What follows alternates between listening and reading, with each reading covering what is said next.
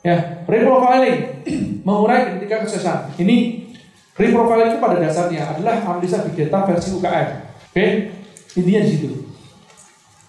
Nah, cuma kita pakai caranya dibalik loh. Sebenarnya caranya uh, kapitalis juga serupa. Ya, baik itu marketplace dan yang lain-lain sama.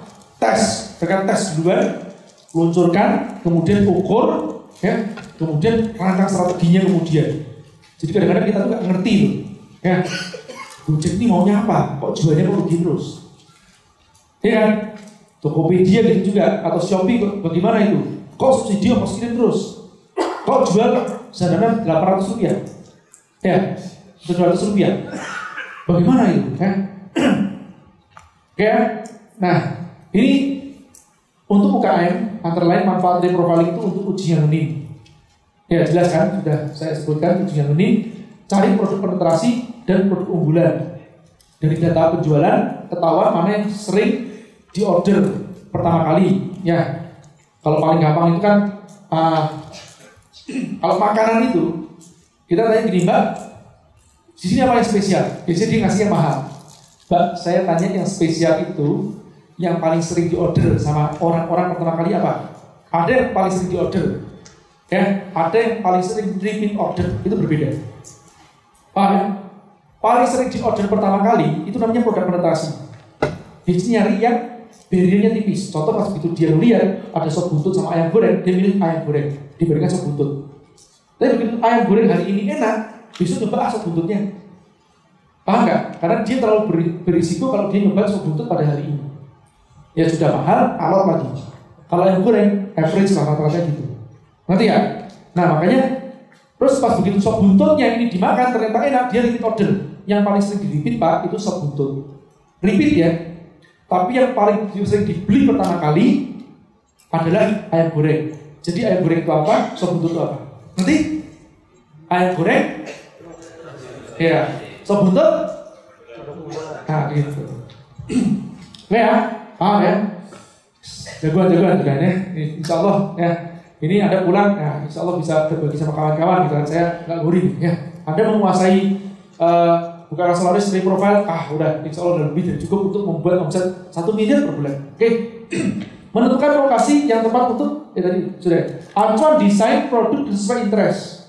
Nah ini juga kita bisa reprofile kan. Uh, dari situ kita bisa reprofile mengecek siapa-siapa yang di follow sama dia. Yang sering saya katakan dia follow followingnya siapa aja sih kesamaan followingnya ini banyak kan kalau pakai engine lebih cepat nih kesamaan following kesamaan interest kalau enggak ada stalking kalau manual stalking satu persatu stalking yang paling sering dia vote uh, apa uh, dia share dia like atau apa itu stalking maka dari itu saya itu bingung kalau kita ini kan jarang ya namanya kita nggak tahu saya nggak tahu teman-teman sering nggak melihat saya nge-like apa saja itu bagian apa namanya activity saya tuh. Ya activity saya. Activity-nya yang Anda follow. Anda sering melakukan itu nggak? Nah, nah ini harus melakukan kepada pelanggan Anda. Jadi caranya? Pelanggan Anda follow kan? Jadi pelanggan Anda follow, habis Anda follow, terus Anda lihat aktivitinya dia apa? Nge-like, nge-share apa? Checking, stopping akunnya. Ini reprofiling manual. Ya kan? Nah, karena belum ada engine-nya. Kemarin makanya saya tanya sama Matthew kan, Matt, gini sudah ada engine-nya belum ya Matt ya? Kayaknya belum nggak diizinkan mungkin ya. Ya, similar interestnya atau apa kan? Kalau itu sudah bisa, wah itu luar biasa itu.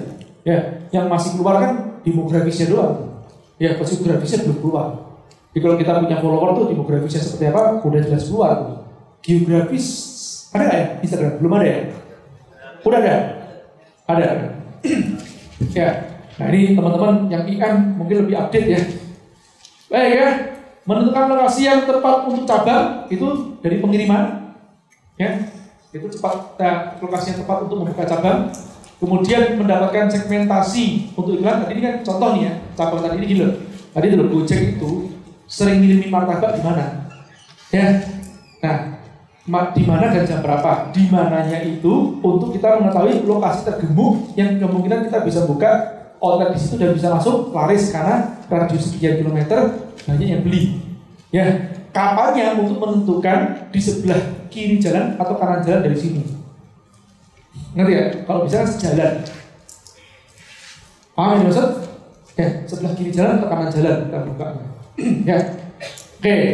Nah, kemudian pengembangan lini bisnis atau brand yang lain. Ini yang sebenarnya produk pasangan, ya, brand extension nanti larinya ke situ. Ya, dari data-data tersebut. Ya, sebenarnya profile ini uh, kalau didalami banget keren. Jadinya yaitu big data ala UKM. Ya, semi stalking. Karena karena teman-teman itu uh, teman anak saya lagi apa ngeliatin HP terus, terus scroll terus. Saya ngeliatin apa? Dia data tahu nggak behaviornya mereka itu. Dan, dan saya nyoba beli apa? Wah, itu lama loh. Ya, kita ngeliatin behavior nih. Kelihatannya itu ngapain ya? Saya ngeliatin AliExpress, ngeliatin shopping, ngeliatin apa? Ya, di, dikiranya ini apa kok nggak ngeliat HP terus sih mainannya? Iya, kerjanya di sini nih. Saya kira. Ya, ya. Ini big data karena belum punya uh, alatnya kan, belum punya toolsnya. Udah punya nih, soalnya kan. Tapi kan analisisnya, algoritmanya kita udah ngerti. Caranya lihat bagaimana. Dari profiling berdasarkan segmentasi. Ini yang contohnya kan sudah saya uh, buatkan sebelumnya. Ini cuma dipoles tampilannya doang kok. Ya. Baik. Nah ini berdasarkan 5W. Harusnya 5W. Tapi saya pakai 4W yang paling banyak dipakai. Ya, 5W satu hal. Ya, what, when, why, where, uh, what, where, why, when. Ya. Siapa target pasar Anda? Di mana mereka biasa berkumpul? Ya, kenapa mereka beli produk Anda? Ya, dan kemudian kapannya? Ya, ini sudah ada kok. Ya, baik. Ini sudah ada juga kan?